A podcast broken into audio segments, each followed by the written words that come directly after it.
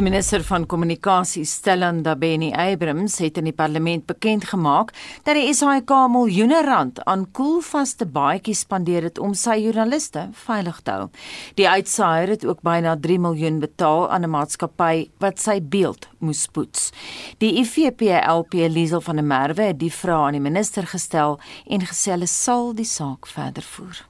Die IFP is uh, weer eens diep bekommerd oor die stand van sake by die SAIK nadat minister Stellende Benny Eybrins na aanleiding van my geskrewe parlementêre vraag aan my bevestig het dat die SAIK meer as 'n miljoen rand gespandeer het op koelvaste baadjies en 2.3 miljoen rand aan 'n PR-agentskap betaal het om die SAIK se beeld te beredde. Dit is tans vir ons onduidelik hoekom die koelvaste baadjies nodig is en of die baadjies wel gebruik word, aangesien mense nie TV of radiojoernaliste sien wat hierdie dra nie. En om sake te vererger, teen tussen 9000 en 11000 rand per baadjie, blyk dit ook asof die SAIK dubbel die markverwante prys vir so 'n baadjie betaal het. Dis natuurlik ook vir die EFF 'n groot skok om te verneem dat die SAIK leierskap dit goed gedink het om miljoene rande te spandeer op die maatskappy PR Works om die SAIK se beeld en reputasie te verbeter. Dit terwyl die SAIK wel bemarkings en publieke verhoudings spesialiste in hulle diens het. Hierdie skokkende en onverskillige mors van geld moet ten sterkste veroordeel word. Sy vra waarom die SAIK dit goed dink om die uitgawes aan te gaan al lyk die uitsaaier se finansies beroerd. Die SAIK gaan gebuk onder pynlike finansiële stres wat die werk van baie SAIK personeel in gedrang plaas en dis dat die SAIK nie geld om te mors nie. Elke sent moet aangewend word om die SAIK weer op die been te bring en om die werk van die journaliste en ander personeel te bered. Van der Merwe sê hulle gaan nie die saak net daar laat nie. Die IFP glo dat daar dadelik in die nuwe jaar 'n ondersoek van stapel gestuur moet word deur die parlementêre komitee skoor oor wie my Glomie kommunikasie is en hoe hulle die koelvaste baadjie tender bekom het. 'n Ondersoek moet ook van stapel gestuur word om te kyk na PR Works en wat hulle sover gedoen het vir daai 2.3 miljoen rand se kontrak aangesien ons almal weet dat die beeld van die SAK nie merkwaardig verbeter het sedit hulle hulle werk in Julie begin het nie. Inteendeel die publieke persepsie oor die SAK is slegter en meer negatief as ooit tevore. En dan glo die IFP natuurlik ook soos ons al tevore in die parlement gesê het dat ons is van die opinie dat minister Stelling de Benny Abrams van haar pos ontslaan moet word. Soos hulle in Engels sê, sy is nie fit for purpose nie.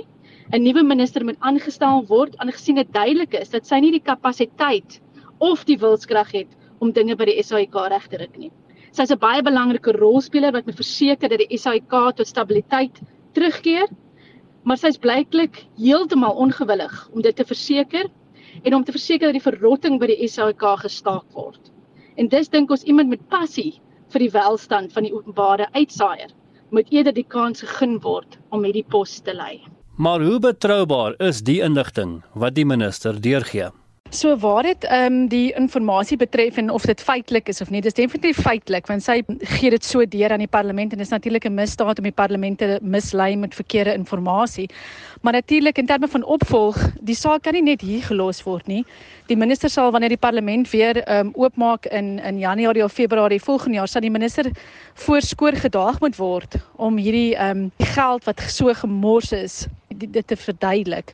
So dit word definitief nie daar gelos nie. Ehm um, dit daar sal definitief opgevolg word in die nuwe jaar deur die portefeulje komitee van kommunikasie, maar ek sal natuurlik ook skryf aan die voorsitter van van Skoor Mkoleko Tlengwa om seker te maak dat hy opvolg oor hierdie twee kontrakte en dat hy die minister roep in die nuwe jaar so gou soos hy kan om te kom verduidelik oor hierdie twee uh kontrakte en die en die vermorsing van hierdie geld gedurende 'n tyd wanneer die SAIK dit nie kan bekostig nie.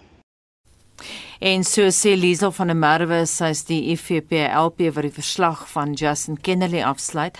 En uh, Gustaf en ek het net nou gepraat oor tee drink. 'n Luisteraar mm -hmm. wil nou weet Gustaf het ons al die storie gedoen oor heuningbos tee. Dis nog nie uitgesaai nie, bly ingeskakel. Ons kom daarby uit. Terug na die SAIK toe en ons praat nou met Bamao se verteenwoordiger by die SAIK, Hannes de Buisson. Hannes, goeiemôre. Goeiemôre. Ek eh, neem aan jy het nou na die vorige storie geluister van die IFP en jy hoor wat hulle sê al daai geld wat gebruik is vir koelvaste baadjies wat Gustaf en ek byvoorbeeld nou nie vanoggend dra nie. maar is jy bewus daarvan Hannes? Nee, dit was uh, nuus vir ons gewees. Um, ons het nie gedink dat die SAIK behoort geld op uh, koelvaste baadjies te spandeer in hierdie stadium van uh van hulle uh, tyd waar daar 'n klomp uh, werknemers um, op die punt staan om hulle werk te verloor nie. 'n Mens wil nie sê dat uh, joernaliste nie hierdie koelvaste baadjies nodig het nie, maar uh, da, dit is nie in hierdie stadium 'n um, prioriteit nie. Ons uh, weet nie van aanval op joernaliste in die in die afgelope tyd nie en mense wil natuurlik ook nie wag tot dit gebeur nie maar ons dink dat dit uh, werklik um, nie reg aangewend is in hierdie stadium nie. Ek wou net vir jou vra of jy dink dit is nodig en ek dink is die baadjies is dit onlangs gekoop of is dit so jaar of 2 gelede? Ons is nie regtig seker wanneer hierdie uh baadjies aangekoop is nie um en uh soos uh, soos wat julle nou reg opgemerk het uh, julle sit nou nie daar in die ateljee met koelvaste baadjies nie. Ons weet ook nie dat hierdie baadjies enigsins uh aan ene aan joernaliste uitgedeel is nie. Um en dit is nog 'n klomp geld wat vir hierdie uh baadjies betaal is. mens moet natuurlik gaan kyk uh, by wie hierdie baadjies aangekoop is. Mm. uh, dit kan moontlik dalk Ja. Yes. Kom ja. ons praat 'n bietjie ook oor uh, daai beeldpoetsery van die SAIK. Hulle het nou PR Works aangestel om hulle beeld te verbeter. Dis nou die SAIK. Jou reaksie daarop, ek weet jy weet daarvan Hannes. Ek weet daarvan ek het ehm um, die kontrak gesien. Ek weet presies wat in daardie ehm um, ooreenkoms staan. Dit is skokkend. Dit dit is werklik skokkend. Enige organisasie wat nie verkeerde goed doen nie, behoort nie uh, iemand uh, eh, 2.3 miljoen rand te betaal om sy beeld te poets nie en ook om uh, die uh, verskeie uh, soos wat uh, ons is uh, een van daardie maatskappye se doelwitte is om byvoorbeeld die vakbonde en die uh, sogenaamde ehm um, stakeholders te ondersoek, te kyk na wat se kommunikasie uitgaan en dan natuurlik op daardie kommunikasie te reageer en die SAIK se beeld dan nou te probeer beskerm. So ons is van mening dat as die SAIK die regte goed doen dat dit nie nodig is om so 'n maatskappy aan te stel nie en dit lyk natuurlik asof die SAIK daardie maatskappy wil gebruik ehm um, om dan ook permanente werknemers te vervang en dit is iets wat ons uh, uh dat wat ons steeds staan. Daar's 'n ander ding wat uitkom in hierdie uh, vraag en antwoord sessie in die parlement dan nou van van um, die IFP. En dit is oor die aantal vryskutwerkers wat gebruik is in die nuusafdeling tydens die COVID-19 pandemie en blykbaar 'n baie groot sprong in die uitgawes aan aan vryskutpersoneel en dit dan nou te midde van van die afleggingsproses ook nou. So bring ons daai twee bymekaar uit. Wel dit is iets wat ons uh, deurgaans gesê het. Um, ons het gesê dat die SAIK hier besig is met 'n kunsmatige uh, verlaging van die salarisrekening. Um, ons is nie seker of dit is om goed te lyk um, of uh, wat werklik die motief daar agter is nie, maar um, ons het voorspel dit gaan gebeur. Um, hier het ons nou bewyse dat dit gebeur het. Die SAIK gaan nou werknemers afdank en hulle vervang met vryskutwerkers en hmm. daardie is nogal um, dit is miljoene rande wat aan vryskutwerkers uitbetaal word nou Dit is nie asof daar 10000 vryskutwerkers vir die SAIK op dieselfde tyd gewerk het nie. So daar is een van twee goed wat gebeur het of miskien al twee. Die een is dat die SAIK buitensporige tariewe betaal aan hierdie vryskutwerkers en of dat hierdie vryskutwerkers op 'n permanente basis vir die SAIK werk uh, en dan so die werk uh, inneem of oorneem van permanente werknemers. Ons is natuurlik bewus daarvan dat die SAIK probeer uh, spesifiek ook by um, RSG om 'n uh, permanente werknemers om te skakel na vryskutwerkers toe ehm um, na bewering omdat die uh permanente werkers nie voltyds werk verrig nie. Ons weet dit is onsin, dit is nie die waarheid nie dat mense wat aanbieders is en omroepers is ook ander werk het wat hulle uh, derentyd besig hou en dat daar uh, werklik um, inhoud in hierdie aanbiedings ingaan. Dit is nie net 'n kwessie van dat 'n dat 'n 'n presenter of 'n aanbieder mm. kom sit daar en lees goed van mm. uh van van 'n skrip af nie. Daar is navorsing wat gedoen word en daar is voorbereiding wat moet gedoen word en al daai goed. Ek kan jou verseker dis nie almal wat buitensporig betaal word nie. Hulle sê hierso ook in die antwoord um, the nature of the SABC news operation is such that services of independent contractors are indispensable. Hulle kan nie sonder die vryskutte oor die weg kom nie. Enige organisasie wat van vryskutwerkers gebruik maak, behoort net van vryskutwerkers gebruik te maak om waar daar tekortkoming is, met ander woorde as daar iemand uh, afsiek is of mense met hmm. verlof gaan en sulke goed om dan in te staan vir daardie persone. Ons weet dat by nuus is daar 'n wanpraktyk wat al oor baie jare strek waar die SAIK vryskutwerkers op 'n rooster sit, op 'n skofrooster sit wat 8 ure per dag werk, 7 hmm. dae 'n week, ja. meer um, ure werk as wat permanente werkers werk. So wat daar gesê word is nie korrek nie en ons kan maklik die teendeel bewys. Mm -hmm. Ek moet sê Hannes, ek is uh, baie bly dat jy daai punt maak dat ons as aanbieders nie net tekslesers was nie. Gustav en ek was nou eendag nogal 'n bietjie uit die veld geslaan toe 'n ja. luisteraar wat skryf o, julle is net die tekslesers. Ons ja. doen ons eie navorsing, ons is deel van die produksieproses. Maar Hannes net om vinnig terug te kom na al die hofsaake. Ons gaan nou in Kersfees in en dan sit nuwe jaar. Wanneer gaan julle weer hof toe? In in hierdie stadium is daar uh, mos hierdie ehm um, hierdie skrywe of hierdie resolusie van die raad dat hulle nou vir 30 dae uh, sal konsulteer. Ehm um, daar is bevestig in daardie eerste konsultasievergadering dat die SAIK inderdaad nie gekonsulteer het uh, ten opsigte van uh seleksiekriteria, die afleggings uh betalings, die sogenaamde severance pay en so aan die uh dit waaroor ons eintlik hof toe is. So ons is besig om daardie proses, uh, daardie um hofuitspraak, ons is besig om dit op appel te vat. Ons behoort um, in hierdie week behoort ons die stukke um, in te dien.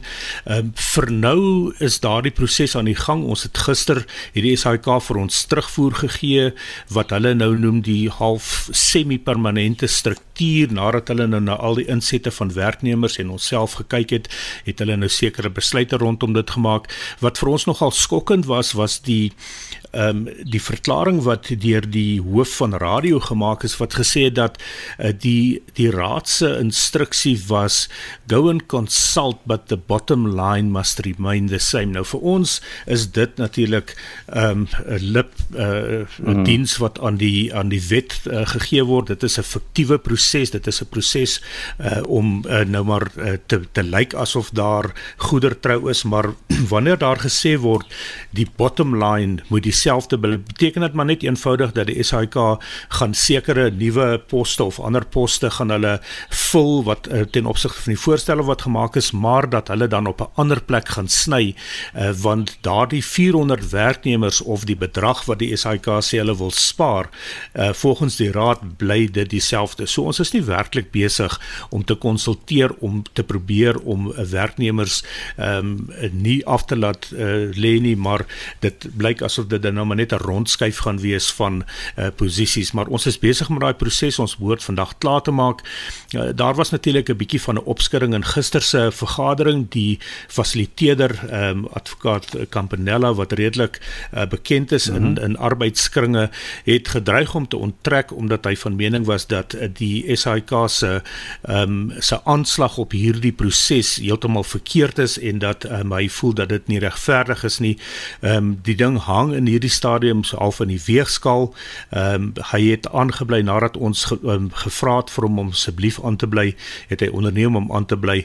Ehm um, en ons gaan nou maar kyk na vandag se aanbieding wat die SAIK sê vorentoe gaan gebeur. Ons vermoed dat as die SAIK sê wat hulle gister gesê het dat ehm um, advokaat Campanella wel dan gaan onttrek um, omdat hy sê dat sy integriteit is hierso um, op die spel en dat hy nie deur partye geroep wil word as 'n getuie om te kom getuig ten opsigte van die proses nie.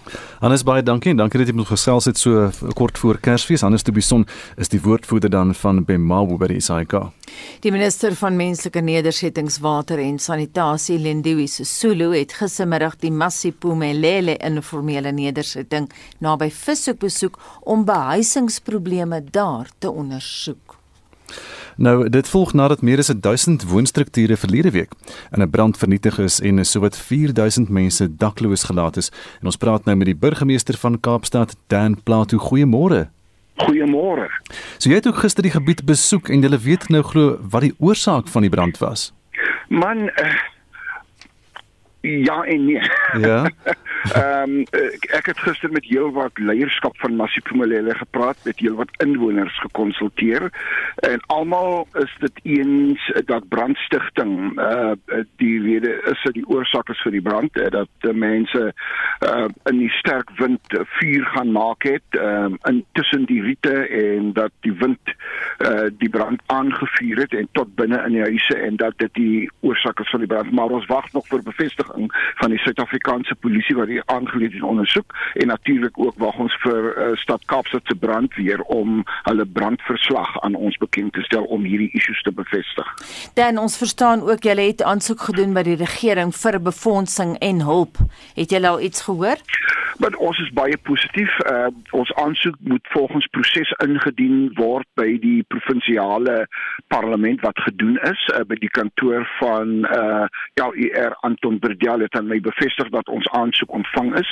Die provinsiale kabinet se 10 uur vanoggend waar hulle dit dan nou moet natuurlik goedkeur vir verwysing na die nasionale departemente, maar ons is baie positief dat daar wel goedkeuring uh, verkry sal word. En wanneer verwag julle sal die geld beskikbaar wees? Man ons ons hoop binne die volgende paar dae hmm. as hulle goedkeur ehm um, behoort nasionale uh, departement van nedersettings geen probleme met die aansoek te hê nie. Ehm um, want die befondsing uh, kan deur uh, begrotings binne in provinsie aan die stad oorbetaal. Dit is hoekom ek dan van mening is en volgens my gesprek met LER Berdel dat dit uh, binne 'n paar dae kan wees nadat die kabinet dit vanoggend goedgekeur het. Dan het jy genoeg mense om te help met die opruiming wat ons weet is nou net voor Kersfees baie mense is op vakansie. Ja, yes, absoluut. Dit is waarom ek gereeld die gebied besoek waarom ek gister ook daar was om seker te maak uh, dat daar geen hindernis is met die opruiming van die terrein nie. Ons het 10 uh swaar trokke uh, wat uh, van die rommel uh, wegry um, um, en sodat die terrein skoongemaak kan word so gou as moontlik. Ons hoop dat die opruimingsproses teen môre middag finaal klaar sal wees. En wat is die plan dan as hierdie opruimingswerk klaar is? Wel uh, dan uh, kan ons begin met die met met die hervestiging van die strukture, die bou van die strukture stad Kaapstad. Ehm um, in sy storie het nog van die wat ons noem die, die materiaal vir die vir die bou van die strukture het ons in plek. Die bietjie wat ons het sal ons mee aangaan sal ons beskikbaar maak uh, ter afwagting van die besluit van die provinsiale kabinet vanoggend vir die 18 miljoen rand wat wat dan beteken dat ons van ons verskaffers onmiddellik natuurlik ons tender dokumente alle prosesse administratief is in plek uh, as die goedkeuring gegee word dat dan en, en natuurlik ons verskaffers is ook alweeds in kennis gestel om gereed te wees vir vir so 'n groot bestelling. Is daar noodlenigingsorganisasies wat ook nou ingespring het om te help? O, oh, baie. Ek is hmm. ek is so verheug.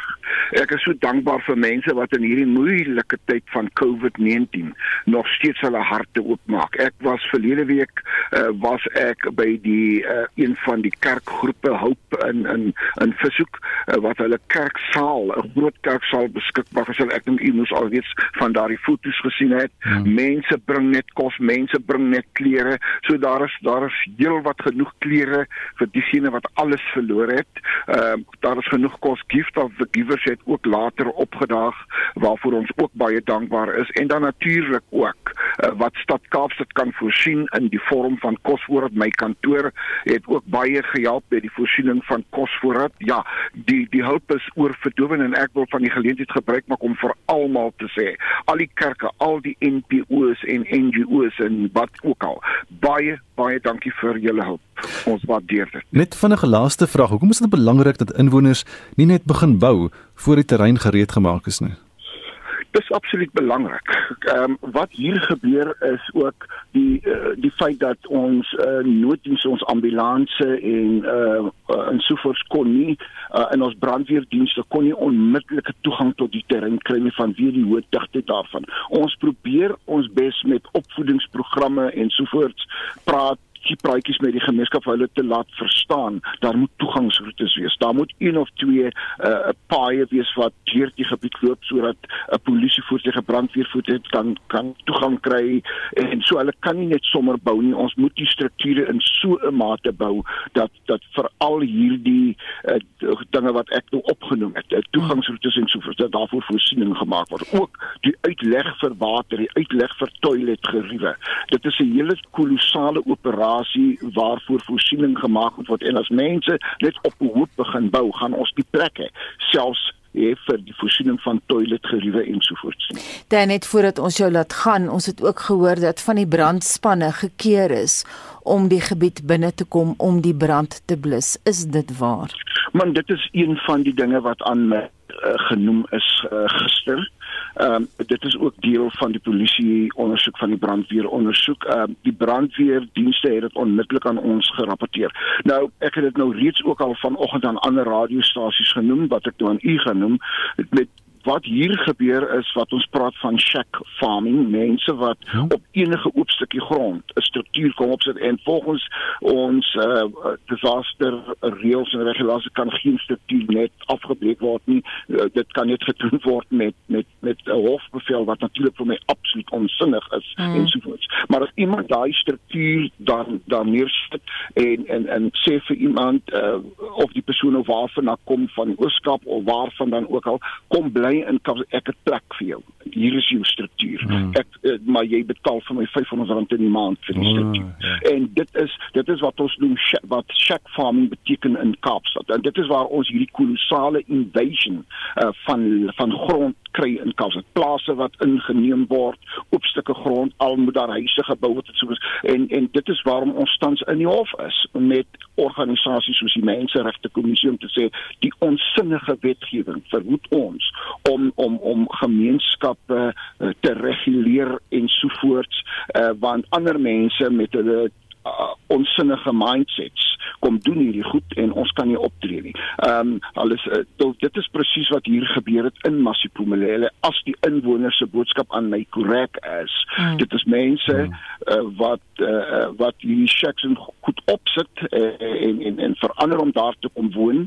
En en dit beteken aan die einde van die dag uh, dat stad Kaapstad kan nie aan daardie mense vat nie. En dit natuurlik veroorsaak hoë digtheid en dit ja. en dit is waarom die brandweer gekeer word. Um, uh, om om op te tree en en en dat die brand nie geblus kan word nie uh, want uh, want hulle weet as die brand dan nou geblus word aan die einde van die dag kan hulle nie verder doen wat hulle wil doen nie. Mhm. Mm en so klink 'n baie gefrustreerde burgemeester van Kaapstad Dan Plato en dit bring ons by 733.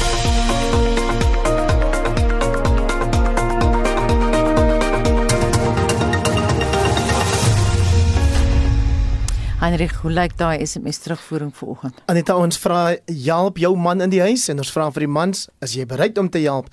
En kom ons luister na wat hierdie luisteraar sê. Sonder lank hierso. Ek het al van kind af begin skoonmaak in die huis. My ouers my geleer van kind af om wasgoed te was, korrelgoed te was en al daai goedjies te doen. So ek stel my vrou maar by waar ons kan. Ons albei werk, so ons ons doen maar altyd die huistaakies. Snattery wat brood van Johannesburg. Ja, my man help op die huis, hy help met skorrelgoed. Hy maak kos. Hy help met die wasgoed.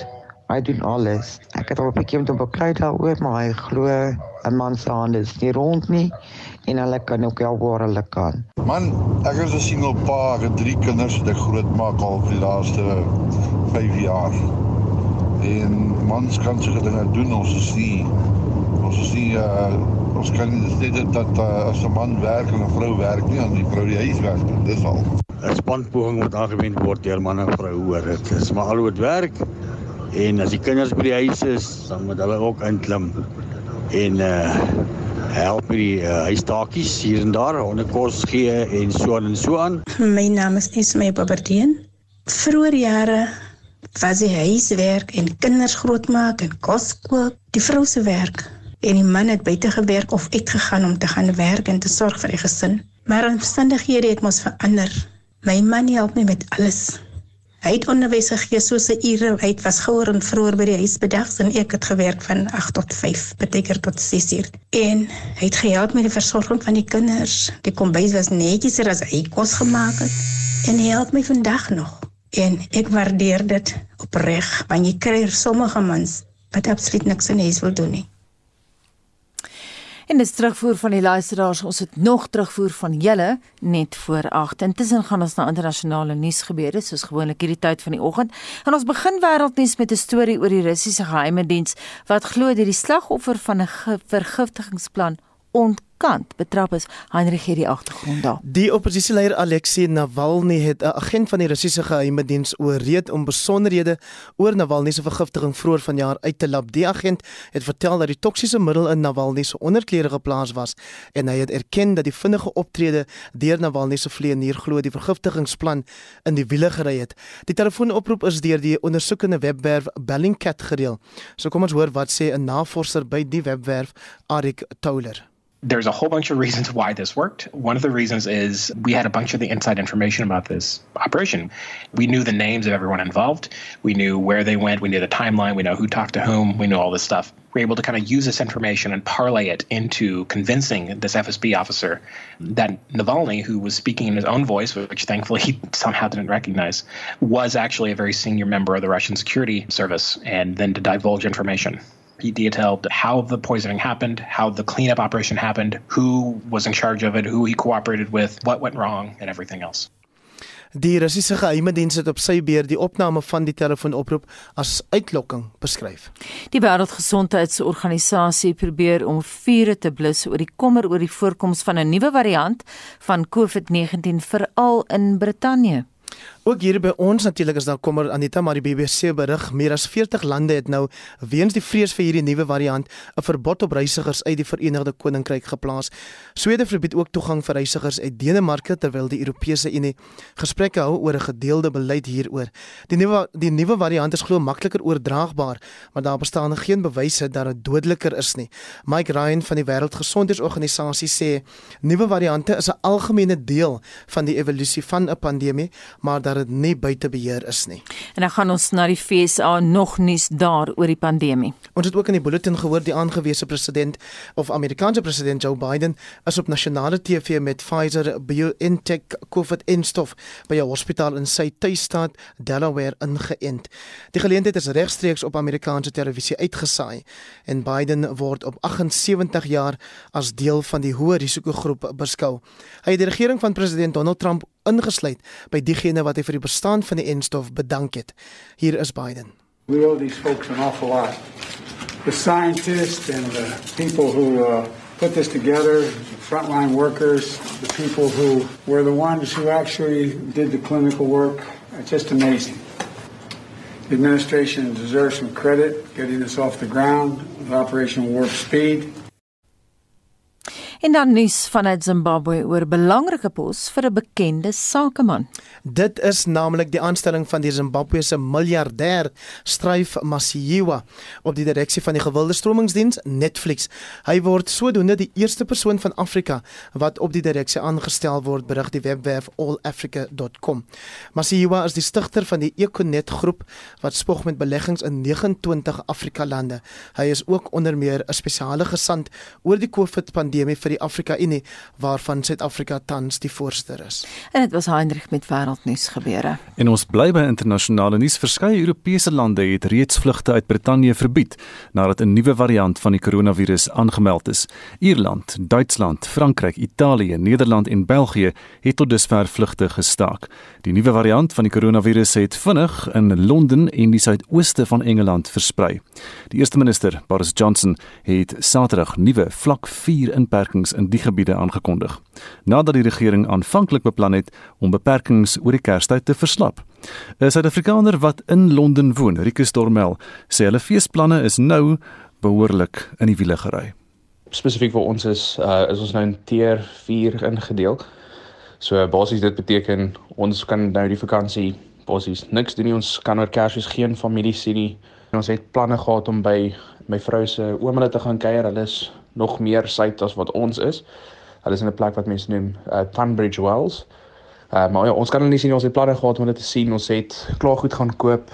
Uh vonkelwyn, nagereg vir die kinders, sulke goedjies. Um maar ja, so ons kan nou nie meer gaan nie. Uh dit is maar uh 'n depressiewe gevoel. Ek gaan nie ook nie die hele land is uh of baie mense is regtig omgekrap daaroor. Dit raak baie families. Ek meen ons baie mense wat hulle familie al ek ken 'n vrou wat al in Maartland laas haar ma gesien het. Haar ma's uh iets in die 90 en sy het juis ook laasweek afgetree. So dan wou sy nou haar ma gaan sien het vir die vakansie. Maar ja, so baie mense word geaffekteer. Dit is maar baie um depressiewe gevoel en baie mense is of het die beplanning klaar gedoen het, klaar die shopping gedoen hier so in Engeland is hulle baie groot op ehm um, Kersfees. Kos ehm um, is nommer 1 soos julle moet sien die mense koop vir honderde ponde vleis vir al die mense. Nou word al daai orders met of gekanselleer word of hulle die plekke sê skus jy het klaar betaal. Dit uh, ons het ook oorleef, jy weet, daai tipe goeder so dit is maar 'n snaakse gevoel. Hy sê verder dat hy en sy vrou ingevolge die streng inperking nie meer kan reis en wegkom van die stad nie. Ek en my vrou is mense wat hou van buite wees en hou van stap. Ons doen staproetes en goeders, maar nou kan ons net hier waar ons is kan ons beweeg. Ons kan glad nie uit ons um county wat hulle noem beweeg nie. Ons moet net of ons borough. Um ons mag nie uit dit beweeg nie. Ons mag niks ons mag net uit ons huise uit gaan as dit noodsaaklik is soos om um, medisyne te gaan koop of een jy kan uh, gaan oefen een keer 'n dag ook sover ek weet uh buite Ehm um, en jy mag inkopies doen wat soos die noodsaaklikhede soos ehm um, kos kan jy gaan koop. Maar al die ander goeder is toe. So baie mense het gehoop van hulle kan nou tussen Kersfees en Nuwejaar en daai tyd kan hulle hare weer gaan sny, hulle kan weer ja, baie mense wil na hulle beauty salons toe gaan en daai goeders. Ehm um, dit kan nou glad nie gebeur nie. Nog 'n Suid-Afrikaner, Roland Childs, woon in Skotland waar die beperkings in sy streek nie so streng toegepas word nie. Vanaf 26 Desember is die hele Skotland in vlak 4 geplaas. Daar mag nie enige reise plaasvind tensy daar geldige rede is, soos vir werkstoeleindes. Daar is slegs noodsaaklike winkels oop en slegs restaurante wat wegneem etes kan verskaf mag oop bly, maar slegs vir wegneem etes. Inwoners van Skotland moes ook interrasel kersplanne aanpas. Daar mag nou slegs 8 mense binne huis kuier en dis slegs op Kersdag wat dit toegelaat sal word. Van 1 minuut na 12 op 26 Desember is dit vir 3 weke in vlak 4. My planne vir die 26ste om met vriende te spandeer is gekanselleer en op die oomblik mag my Kersdag ook belemmer word. So dankie COVID. Dit is noodsaaklik, maar dit is nie die beste tyd ongelukkig, veral op Kerstydperk. Is die Charles en haar gesin woon in die hoofstad van Skotland, Edinburgh. Sy vertel hoe die nuwe regulasies hulle raak. Laas jaar hierdie tyd was ons vol verwondering met die sneeuvlokke en die kruiewyn en die Kersmark en die aksente in Edinburgh, al te pragtig.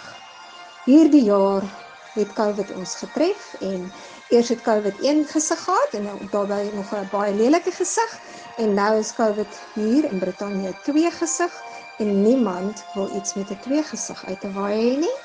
En boonop is dit Brexit, so Brexit maak nou van ons 'n stiefkind. En ehm um, al die planne wat ons gemaak het as 'n ou gesinnetjie, ons wou baie graag in Februarie bietjie Italië toe gaan. Gaan nie gebeur nie. Ek wil graag my familie in Suid-Afrika gaan besoek het. Gaan nie gebeur nie. En toe dog ons ons raak nou meer beskeie en ons sê vir onsself, ja, ons gaan bietjie Inverness toe. En toe word ons geplaas nou weer onder tier 4 wat basies 'n lockdown is. So Inverness gaan nie gebeur nie. So arme mense, klein plannetjies en groot plannetjies kom tot niet. Maar ek moet ook vir jou sê Edinburgh bly pragtig en braai bly lekker. Ons gaan nou net nie saam met mense hierdie Kersfees braai nie. Ons gaan maar met alleen braai. My biltongkies hang daar in die in die motorhuis en besig om mooi droog te word. En verder ehm um, moet ons maar oor FaceTime en Zoom en al hierdie goetertjies met ons maar mense praat. Ten spyte van die uitdagings bly Rike Stormel positief. Daar is ons nog steeds goeie goeders. Dit is nou die winter solstice. So dis die draai van die seisoen. Dit beteken ons is 'n halfpad deur winterdarm, so dis 'n goeie ding. Maar dit beteken vandag is die uh son skyn eers vir 8 ure nie, so dis interessant. Maar ja, anders is dit dit gaan goed. Ons is daarom gesond waar ons bly. Ons is baie geseën. Ons is baie bly. Rikus Dormel is Suid-Afrikaner wat in Londen woon. Ek is Justin Kennerly vir SAK nuus. Nou iets Suid-Afrikaanse heuningbos tee van Suid-Afrika is deesdae 'n gesogte uitvoerproduk vir al die Japaneese en Suid-Koreane hou sommer baie daarvan. So sê Dr Bridget De Pre van die Universiteit Stellenbosch wat verlede week haar doktorsgraad verwerf het nadat sy 'n gehalte graderingsstelsel vir die tee ontwikkel het. Die heuningbos tee bedryf bestaan reeds 20 jaar in Suid-Afrika. Die idee was om 'n gebruikersvriendelike stelsel wat die industrie kan gebruik te ontwikkel. Eerstens die hele stelsel is gebaseer op die sensoriese data van ongeveer 600 produksielotte van dit is op laboratoriumskaal geproseseer en baie het ons van die verskillende kommersiële prosesseerders ontvang. So ons het die sensoriese toetse daarop gedoen. Dit wil sê die aroma en smaak daarvan getoets met 'n opgeleide sensoriese paneel by die voedselwetenskap departement en dan het ons ook terbiediteit en kleur toetse gedoen.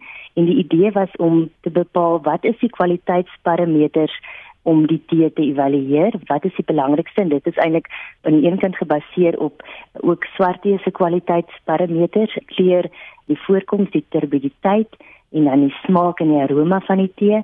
Maar dan ook het ons buiten die data wat ons nou gebruik het om die belangrikste kwaliteitsparameters te bepaal, het ons ook die industrie betrek. Ek het meningsopname gemaak met behulp van die Suid-Afrikaanse Heuningboskvereniging. Ek het verskeie prosesseerders en produsente en bemarkers van die industrie gevra wat is vir hulle belangrik in terme van kwaliteit vir heuningbostee, wat is hulle behoeftes, sou hulle dit kan gebruik en dan het ek ook met verskeie rolspelers onderhoude mee gevoer. Volgens dit het ons die kernparameters bepaal, ook die spesifikasies van wat is 'n hoë kwaliteit, gematigde kwaliteit, swak kwaliteit en lae kwaliteit tee. Hoe smaak 'n hoë gehalte heuningbostee anders as 'n gematigde een en dan 'n lae gehalte. Heuningbostee het 'n herkenbare blomagtige appelkoos, karamel en fynbossoet aroma en soet smaak en 'n uh, hoë kwaliteit tee sal hoë intensiteite van hierdie eienskappe hê en dan ook 'n uh, natuurlike rooi-bruin kleur. 'n Swak kwaliteit tee sal juist baie lae intensiteite van hierdie positiewe aroma sê of glad nie en ook 'n ligte geel kleur hê en ook negatiewe sensoriese eienskappe soos rokerig of medisinaal. So ons noem dit ook rotting plant water. Dit is wanneer dit nie reg geproseseer is nie of gestoor is nie of nie by sy optimum temperature geproseseer is nie wat dan die smaak en die aroma van die tee negatief kan beïnvloed Wat is die sensoriese woordeskat in gehaltebeheer? In die sensoriese wetenskap word daar hulle noem dit sensoriese wiel en sensoriese leksikons ontwikkel vir produkte.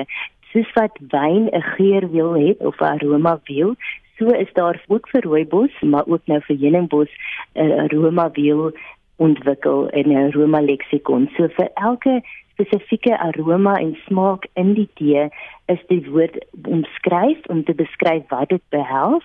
Soos byvoorbeeld fynbosblomagtig beteken die geur van wanneer 'n mens in 'n veld van fynbos stap en dan saam met dit deel van die kwaliteitselemente van hierdie graderingsstelsel kan 'n mens aroma chemikalieë identifiseer om hierdie spesifieke geur nie te herken en te identifiseer en so mense op te lei om hierdie tee reg te beskryf. Soos vir die wynindustrie is daar 'n sensoriese leksikons vir verskillende produkte al oor die wêreld ontwikkel, ook vir olyfolie en die sensoriese leksikon is eintlik die woordeskat om die aroma en die smaak van 'n produk te beskryf. Jy het nou van die begin af gesê jou navorsing is op die praktyk gerig. Wat moet gebeur om dit in die kommersiële baan te kry? wat baie belangrik vir ons was om die industrie betrokke te kry ook by die ontwikkeling van hierdie uh, graderingsstelsel. Ons het fokusgroepe gehad met mense in die industrie wat baie ervaring het in die kwaliteitsbeheer van rooibos en heuningbos tee en natuurlik swart tee ook. So ons het hulle raad ook gevra en hulle hulp gekry om die graderingsstelsel te ontwikkel. Beide metodes is getoets deur 'n paneel van industrie rolspelers. Uit dit kom ons al redelik dit amper regmaak vir die industrie. So op hierdie stadium is daar met behulp natuurlik van my supervisors by die universiteit en ook my professor by Landbou Navorsingsraad Lizette Jubber en Nina Miller en Erika Boelig is daar 'n handleiding opgestel met die geurwiel, die aroma leksikon met hoe om die tee voor te berei volgens 'n standaard metode en dan ook hoe om die tellingskaart soos wat ons dit nou noem te gebruik en dan het ons ook 'n kleurkaart vir hoe die tee moet lyk en hierdie handleiding sal ook vir die industrie beskikbaar wees in die nuwe jaar. Die idee is ook om werkswinkels hulle aan te bied, om hulle uit te nooi na ons departement en opleiding te gee om hierdie graderingsstelsel te gebruik.